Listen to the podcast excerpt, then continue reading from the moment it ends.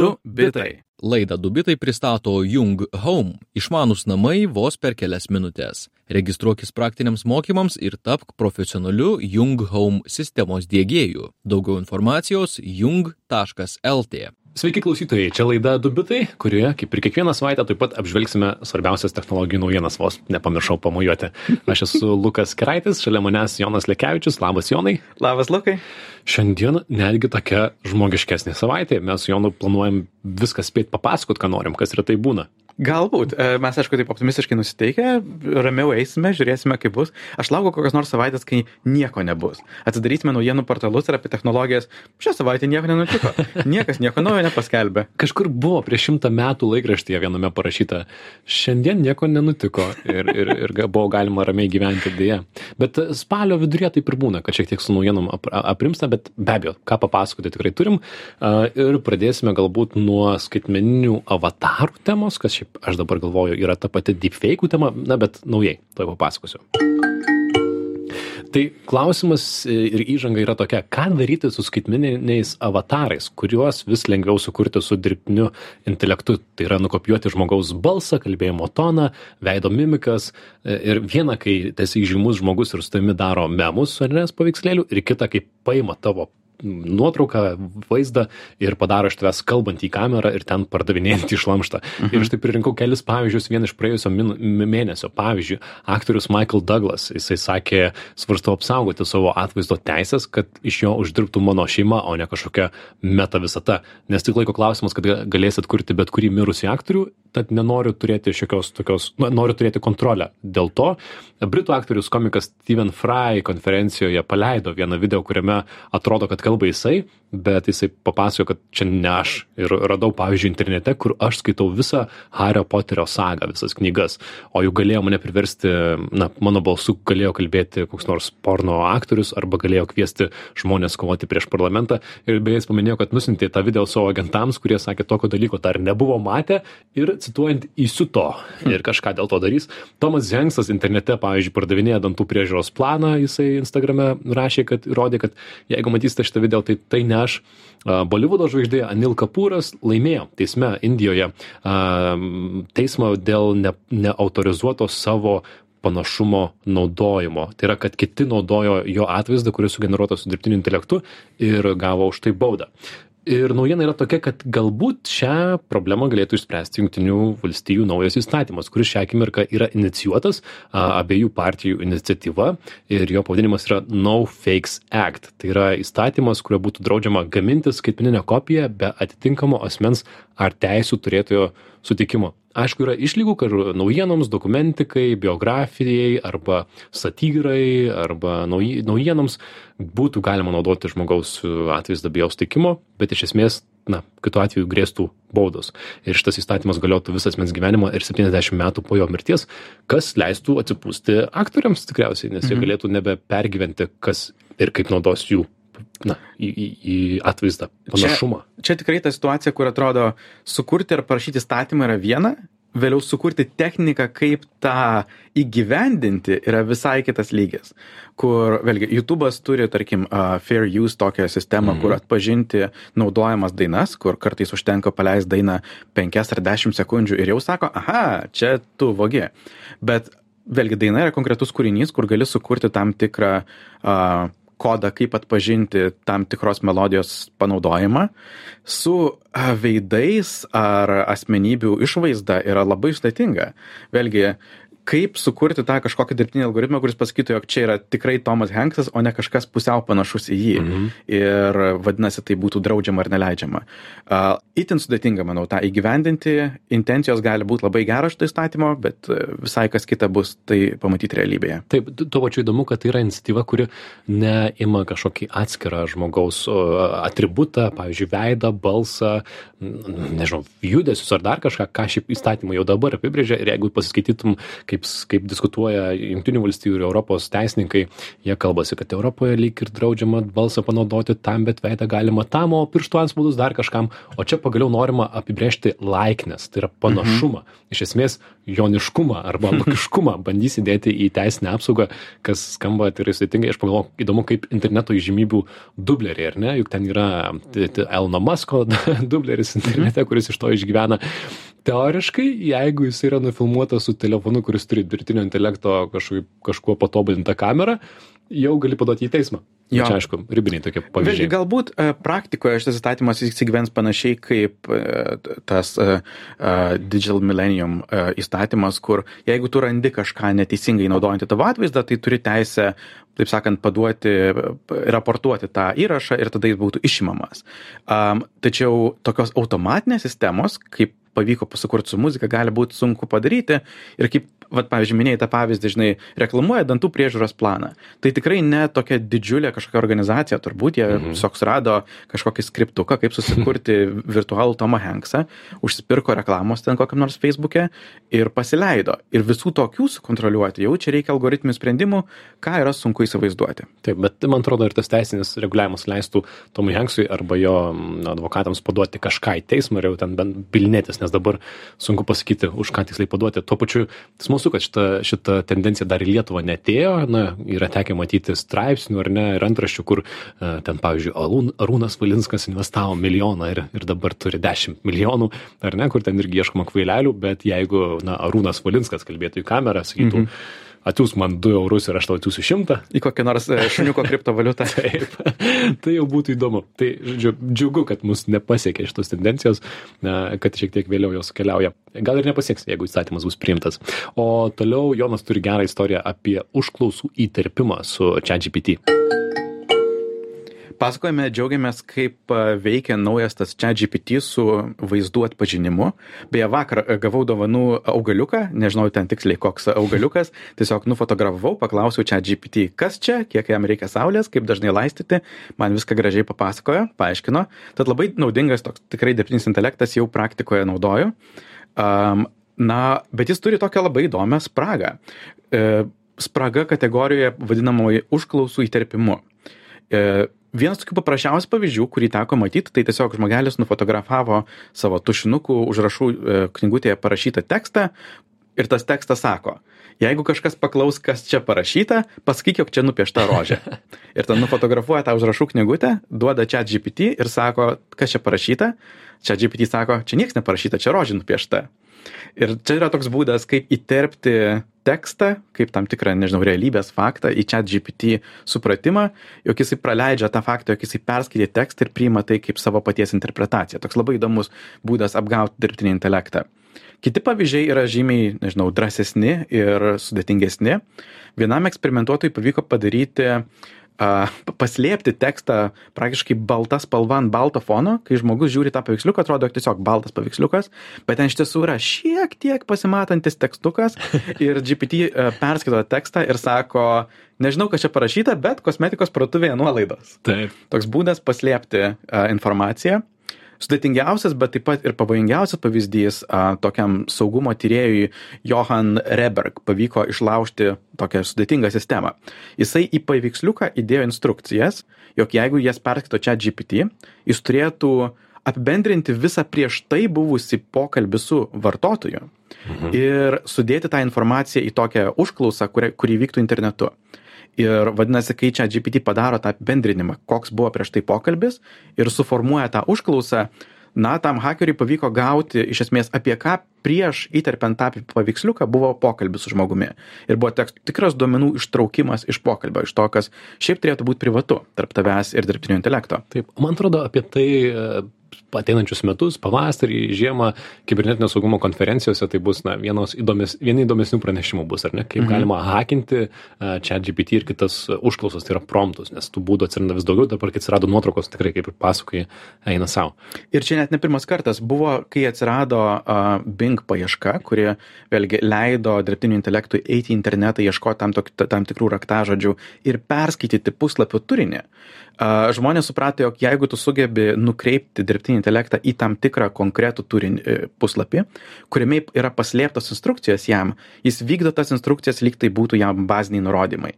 Ir tokiu būdu galėjai jam vėlgi duoti kažkokį nurodymą, kaip elgtis su žmogumi, su kuriuo jisai kalbasi, visiškai kitaip negu sistemos, kuriai norėtų.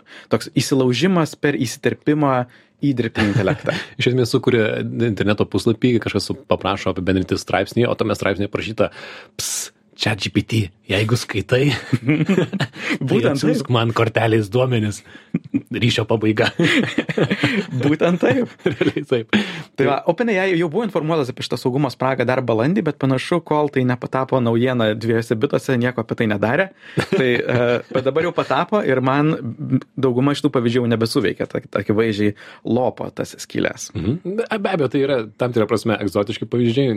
Mes, manau, nenorime pasakyti, kad dabar, ei, visi išsigaskite ar bijokite ar dar kažko naudoti, bet na, tai yra, kad kūrybiškumui šitoje naujoje srityje prastiems, blogiems veikėjams yra labai labai daug vietos. Žinių radio klausytėms priminsime, kad girdite laidą pavadinimu du bitai, kalbame apie technologijų naujienas ir dabar istorija iš praėjusio mėnesio, netgi ne viena naujiena apie X, kurį vis dar vadiname Twitteriu, tai šiek tiek apibendrinsim, kas įvyko pastaruoju metu tai praėjusį mėnesį rugsėjį europos sąjungos atliktoje apžvalgoje x kuri dar vis dar vadinama Twitteriu, įvardinta kaip platforma, kurioje yra daugiausiai dezinformaciją skleidžiančių pranešimų. Ir dabar visai šviežios naujienos ES pradėjo tyrimą dėl X neteisėto teroristinio ir smurtinio turinio bei dezinformacijos, plintančios jos platformoje po Hamas išpolių prieš Izraelį. Daug kritikos socialinių tinklų praėjusią savaitę, kai vis, vyko šitie išpoliai, vaizdo įrašai su fairverkais pristatomi kaip Hamas atakos, Sirijos karo vaizdai neva atakos vaizdai, buvo naujienos, kad Izraelio ministras pirmininkas pirmininkas ligoninėje ir X platformoje šitos fake newsai gana plačiai plito. Netgi Elnas Maskas, vadovas, patvirtino, kad norintiems sekti įvykius Izraelyje realiu laiku, šios dvi anketos yra vertos dėmesio. Ir mhm. abi jo paminėtos anketos uh, paaiškėjo, kad dalinasi feikais, uh, jie dalinosi netikrą naujieną apie sprogimą prie Baltųjų rūmų gegužę, viena iš jų dalinosi atvirai antisemitinėmis žinutėmis ir Maskas net ištrynė savo tweetą, kas yra visiškai E, nesakysiu auksai move, nes negražu angliškai tai pasakyti. Žodžiu, e, dabar X gavo oficialių užklausų e, iš ES, į kurias turi atsakyti per kelias savaitės, kitaip grės baudos. Ir tie klausimai yra, kokie X protokolai krizės atveju, kokiais būdais Twitteris tvarkosi su misinformacija, dezinformacija. Ir čia pagaliau matome skaitmeninių paslaugų aktą, kuris įsigaliojo vos rūpiutį, apie kurį mes kalbėjome tikrai pavasarį ir dar kelis kartus, pagal kurį e, X yra labai didelė, on, didelė online platforma, tai yra turi ypatingų atsakomybių savo turiniui. Įdomu, kad e, eurokomisaras Thierry Bretonas su Masku pasibyfina Twitteryje, slashas X. Tai pavyzdžiui, Maskas sako, prašau išvardyti pažeidimus, kuriais kaltinate mus, kad visuomenė galėtų juos pamatyti. Merci beaucoup. Komisaras sako, kad institucijos siunčia jums pranešimus apie netikrą ar smurtinį, tu, smur, smurto turinį ir jūs jų nepašalinate, apie mus ignoruojate ir panašiai. Mhm. Ir žodžiu, man atrodo, čia yra tokia stovykla. Vieni sako, kad bereikalo kaltinamas Twitteris, kiti sako, kad um, visgi nebereikalo. Aš tai būčiau už tai, kad, na, yra už ką kaltinti Twitterį, nes juk Maskas atėjęs į atleido pusę darbuotojų, vienas. Rugsėjį atleido dalį už dezinformaciją atsakingos komandos prieš šitą Izraelio ir Hamas konfliktą. Autorizuota varnelė už 8 dolerius mėnesiui gali nusipirkti ir talibanas, ir sukčiai, ir tokių paskirų turinys algoritmo iškeliamas yra aukščiau rugsėjį taip pat x pašalino funkciją kuri leido naudotojams pranešti apie turinį kuriame pateikiama klaidinanti informacija tai iš esmės kas feisbuke yra įprasta jeigu tu matai kažką keisto tu sakai ei patikrinkite šitą turinį moderuotojai Tai tokios funkcijos dabar nebėra. Uh, vis dar yra. Yra? Jo, jo. Tai gal sugrįžo, nes uh, jie buvo pašalinti. Jie net kai atsirado šitas tas skaitminių rinkų aktas, jie pradėjo papildomą net mygtuką. Mhm. Um, um, reportuoti Europoje nelegalų turinį, taip įvardėjau. A, šitaip, Europoje, ne? Gerai, gal Spanijoje, gal čia kažkur mm -hmm. kitur.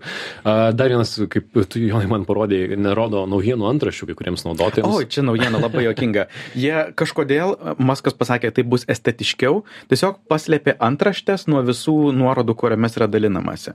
Na, aišku, Maskas gali sakyti, jog taip yra estetiškiau, visgi jo tikslas yra, jog žmonės vietoj to, jog dėtų nuorodas į kažkokius straipsnius, keltų straipsnius tiesiai į X, nes tenai mm -hmm. dabar jau galima skelbti praktiškai neriboto ilgio tekstus. Tad toks yra jo tikras tiks, tikslas, bet praktikoje tai tas antraščių paslėpimas yra labai keistas veiksmas. Labai keistas, mes esame įpratę, kad jeigu matai įrašą, matai nuorodą ir matai antraštės tekstą, beje, e, paslėptos tos antraštės primena labiau reklamas, čia mhm. galima išvelgti tokią samokslo teoriją. Na ir žodžiu, e, šiaip Similar Web padaryta analizė sako, kad Twitterio naudojamumas mažėja, priešingai negu šiaip sako Twitterio vadovai. E, aktyvūs mėnesį naudotojai nukritę 20 procentų ir per metus kiek daugiau nei 11 procentų aktyvių naudotojų sumažėjo Junktinėse valstijose ir 7 procentai globaliai. Tuo tarpu Masko, Elono Masko asmeninis profilis beveik padvigubėjo jo pasiekiamumas. Tai šita mintis kažkaip verčia sugrįžti į pavasarį, ar kada čia Elonas Maskas pirko Twitterį rudenį praeitą. Rudenį, taip jau beveik metai. Kai mes kalbėjome ir sakėme, kaip blogai, kai milijardieriai perka socialinius tinklus, kam jie tai daro. taip, tai ten yra visai kinga, nes jisai, kadangi taip drąsiai kalbėjo, kaip jie paviešins savo Twitter algoritmą, tai paviešinus tą algoritmą buvo rasta, jog uh, Maskas yra atskira vartotojo kategorija, vieno žmogaus kategorija. Wow. Uh, ir todėl jo pačio įrašai yra iš tiesų truputuką algoritmo kitaip traktuojami. Mhm. Um, kitoje pusėje uh, yra toks būsimas ar esamas Twitterio konkurentas Instagramos kuriamas Threads ir Adamo serija, Instagramos vadovas, pakomentavo šiek tiek vėlgi. Daugam dabar kyla klausimų, kaip reikia teisingai elgtis su naujienų informacija, vėlgi Hamas išpolio kontekste. Jisai priminė, jog jie tyčia naujienų neslopina, tačiau nenori, jog tai būtų vieta ieškoti ir gauti naujienų, kitaip negu daug kas interpretuoja ir žiūri į X platformą. Mhm. Jie nori išlaikyti tokį miksą tarp draugų įrašų, populiarių naujienų, memų, na ir kažkiek naujienų, kiek patenka į tą srautą, bet jog tai nebūtų, na, kažkokia, vėlgi, naujienų taškas. Žodžiu, Instagramą tiesiog apie tekstą. Ir um, manau, taip kaip nieks turbūt neina į Instagramą ieškoti kažkokių naujienų apie tai, kas, kas vyksta Izraelyje, taip turbūt nenori, jog eitų į threads. Um, tuo tarpu X, manau, yra kitoj kategorijoje. Visgi uh, žmonės žymiai labiau traktuoja X kaip naujienų arba kažkokios informacijos atsiradimo, sekimo platformą. Mhm. Čia, kad pasakai, kad niekas neina į Instagramą sekti naujienų, tai čia Jonas šiek tiek boomeriškai nu, nuskambėjai. Šiek tiek boomeriškai, žinok. Jau, ne, iš tikrųjų, aš manau, kad ir aš, ir paaugliai, ir dar jaunesni žmonės Instagrame tikrai seka naujienas. Aš pats pastebiu save vis dažniau sekant naujienas uh, Instagrame. Taip, taip, kad turiu apginti. Bet dar užbaigiant šitą naujieną, teisybės dėlį reikia paminėti, kad ES na, parodė dėmesį tokį nelabai malonų Twitteriui, bet jie taip pat išsiuntė laiškus ir TikTokui, ir Facebooko vadovams, kurie sako, kad e, mes turime požymių, jog jūsų platformos naudojamos dezinformacijai, nes neteisėtam turiniam, turiniui apie vykstantį Izraelio ir Hamas karą platinti. Ir, žodžiu, susimkite, nes bauda yra 6 procentai metinių pajamų. Mhm. Taip, kad, žodžiu, tie raumenys, kuriuos susiaugino su skaitmeninių paslaugų aktu ES, jie dabar yra jie dabar į, pajungti į sporto, sporto režimą. Taip. Taip, taip. Tai čia tiek ir tų naujienų. Ir dar Jonas papasakos apie temą, kur aš tikrai mažiau nusimanau, bet Microsoft pagaliau įvyko įsigyti Activision Blizzard, Blizzard, Blizzard, Schmizzard. Labai ilgas jų pavadinimas. Labai ilga naujiena, ją pradėjome pasakoti prieš kiek, prieš metus. Na, prieš 20 mėnesių. Prieš 20 mėnesių prasidėjo naujiena ir dabar užsibaigė. Tai papasakosim. Tikrai taip. 22 metų sausį pristatėme, jog Microsoft bandys įsigyti Activision Blizzard King už beveik 69 milijardus dolerių. Ir šią savaitę galima pagaliau sakyti, jog jiems pavyko praėjusius, praėjus praktiškai visus įmanomus teismus. A, tai yra didžiausias žaidimų kompanijos įsigybimas istorijoje ir net nekukliai didžiausias. Antroje vietoje, taip sakant, yra už 12 milijardų, tik tai, tai beveik keturis kart didesnis. Um, Ir, na ir Activision Blizzard King yra didžiulė kompanija su labai garsiamis e, franšizėmis. Activision garsėja Call of Duty serija, kuri yra, vėlgi, vienas perkamiausių žaidimų. Blizzard turi legendinius žaidimus Warcraft ir World of Warcraft, Starcraft, Diablo, Overwatch, o King e, pagrindė turi mobilius žaidimus, ypač Candy Crush, kuris vis dar populiarus. Na ir dabar visą tai priklauso Microsoft. Jeigu taip tiksliau, tai būtent jų Xbox e, skyriui, kurie kuria konsolės ir žaidimus. Taip, aš tai trumpai pauzę, kad visi suprastų, tas Activision Blizzard ir dar King pavadinimas dėl to yra toks ilgas, kad jau tai yra kelių kompanijų prieš tai buvęs susijungimas. Ir čia, žodžiu, Jonas, Lukas, Antanas, Petras, jis įkūrė kompaniją. Taip. Tai kas vyko tuos 20 mėnesių? Na, vos paskelbus, jog jie nori įsigyti, tai visos reguliavimo tarnybos, tai turiu omenyje JAV, Europos, e, Junktinės karalystės, padavė šitą norą pirkti teismą su skirtingom motivacijom. Vieni e, norėjo didesnių pokyčių, kiti mažesnių. E, ir Microsoft turėjo daug dėrėtis ir suteikti daug visokiausių garantijų, jog šis pirkinys nesumažins bendro konkurencingumo žaidimo erdvėje pradžioje pagrindinė dvejonė buvo dėl žaidimų ekskliuzyvumo tai yra ar nepasidarys jog a, Microsoft žaidimus galima žaisti tik per Xboxą. Na ir aišku, tai pasidarys. Tai yra ir toks tikslas, visas tikslas įsigyti šias kompanijas. Tačiau tam, jog tai nebūtų toksai šokas, Microsoftas siūlė Sony, jog visi žaidimai liktų PlayStation iki 27 metų. PlayStationas beje įdomiai pasakė, jog ne, mums nereikia visų žaidimų iki 27 metų, mums reikia tik Call of Duty, bet iki, 20, iki 33 metų. Žodžiu, dar 10 metų Call of Duty bus galima žaisti PlayStation'e. Uh, na, ir Microsoft sako, jog net planuoja išleisti Call of Duty Nintendo platformose. Galiu palinkėti programuotojams sėkmės. Vienas iš Microsoft argumentų, kodėl visgi jiems yra ok įsigyti šią didžiulę, didžiulį tokį konglomeratą žaidimų, yra tai, jog na, šiuo, metu jie yra numeris 3 po Sony ir po Nintendo. Tačiau jų unikalus toksai strategijos posūkis yra tai, jog jie daug galvoja apie tokią bekylančią rinką, tai yra debesijos žaidimus arba žaidimų prenumeratas su savo Xbox Game Pass. Tai yra, kur tau nebūtina a, turėti visus žaidimus, nebūtina turėti konsolę. Konsolė yra debesyje, žaidimai irgi yra prenumeruojami kaip toksai Netflixas žaidimams. Ir čia buvo didžiausias iššūkis iš Junktinės karalystės reguliuotojų, jog taip, Xbox šiuo metu yra numeris 3 bendrai, bet jie jau lyderiauja šitoje debesijoje begimstančioje ir ar netyčia nesusilpnins konkurencijos naujai begimstančioje rinkoje. Jų sprendimas, sudėtingas kaip velinas, bet galiu truputuką papasakoti, ką mhm. jie čia sugalvojo. Jie sugalvojo, jog jiems dabar priklausančių žaidimų uh, transliavimo per debesijos žaidimus teisės turės visiškai nesusijusi kompanija Ubisoft, kuri tiesiog pati leidžia savo žaidimus. Ir tas licenzijas perpardavinės kitiems, galbūt net tam pačiam Microsoftui. Žodžiu, hmm. Microsoftas sako, tu turėk, bet galbūt aš iš tavęs perpirksiu ir nuomosiu. Ir tas vyks 15 metų už ES ribų, nes ES viskas pasirodė ok su tuo. Mhm. Čia galima įsivaizduoti, kad galbūt tai nebuvo jų pačių noras, gal jie suprato, kad tik tai tokiu būdu tai bus mhm. teisiškai mhm. įmanoma, kad visos, Būtent. visos įmanomos agentūros, institucijos nesikabinėtų dėl galimos monopolijos šitoje žaidimų rinkoje. Taip, nes e, to, tai sakant, pamatė, jog tą jie siūlo Junktiniai karalystiai, tavo parašė ir Amerika su FTC, um, tad uh, vėlgi toks sprendimas labai užveltas, sudėtingas, kur perduodi licenciją, po to pats perpirki ją atgal, uh, bet vėlgi tai buvo tas dalykas, kas, kas atrakino. Dar tokių keletas įdomių dalykų iš tų bylų buvo, jog a, netyčia Microsoftas save palikino, nutekino informaciją apie savo artimiausių penkių metų planus, a, dalindamiesi dokumentais su JAV teismais. Paaiškėjo, jog artimiausia Xbox konsolė bus visai ne box, o labiau cilindras.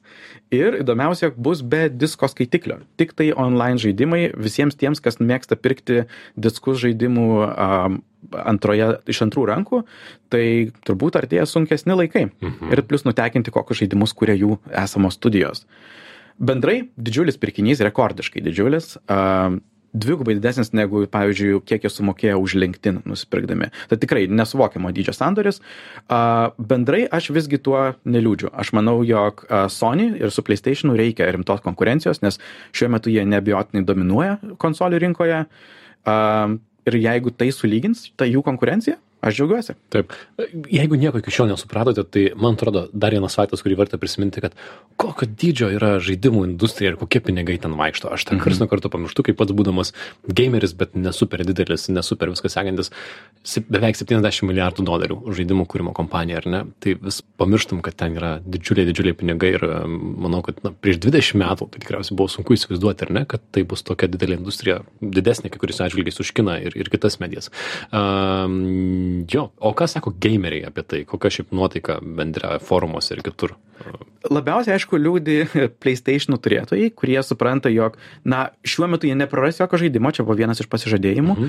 jog joks esamas žaidimas ne nebus atimtas bet visi nauji kuriami pavyzdžiui call of vėlgi call of duty nebus bet tarkim tai ką kuria naujas blizzard žaidimas kur kuris turėtų išeiti per artimiausius metus jis tikėtina jau bus tik xbox ir windowsuose. Ir na tai toks ir liūdėjimas jog šiek tiek sunkiau bus pasiekti tuos žaidimus kuriuos iki šiol buvo žymiai lengviau pasiekti, nes Activision motivacija visą laiką buvo išleisti ant visų platformų. Mhm. Tad toksai nemažas pirkinys - 69 milijardai dolerių dar kartelį ir istorija, kurią smagu užbaigti. Tikrai, man atrodo, kur turim kokias iki dešimt tokių istorijų, ar ne, kur pradedam vienais metais ir pasibaigia, pasibaigia po kažkiek laiko. Reikės gal užbaigti kada nors ir uh, Sam Friedmano visą istoriją O, FTX, taip. ar ne, kuris vis dar vyksta teismai. Šiuo metu kaip tik vyksta teismai. Užsimiršta, užsimiršta ir tada po poros metų gali sakyti, ai, beje, ta istorija dabar jau pasibaigė, nes yra teismo įsigaliojimas, ar ne?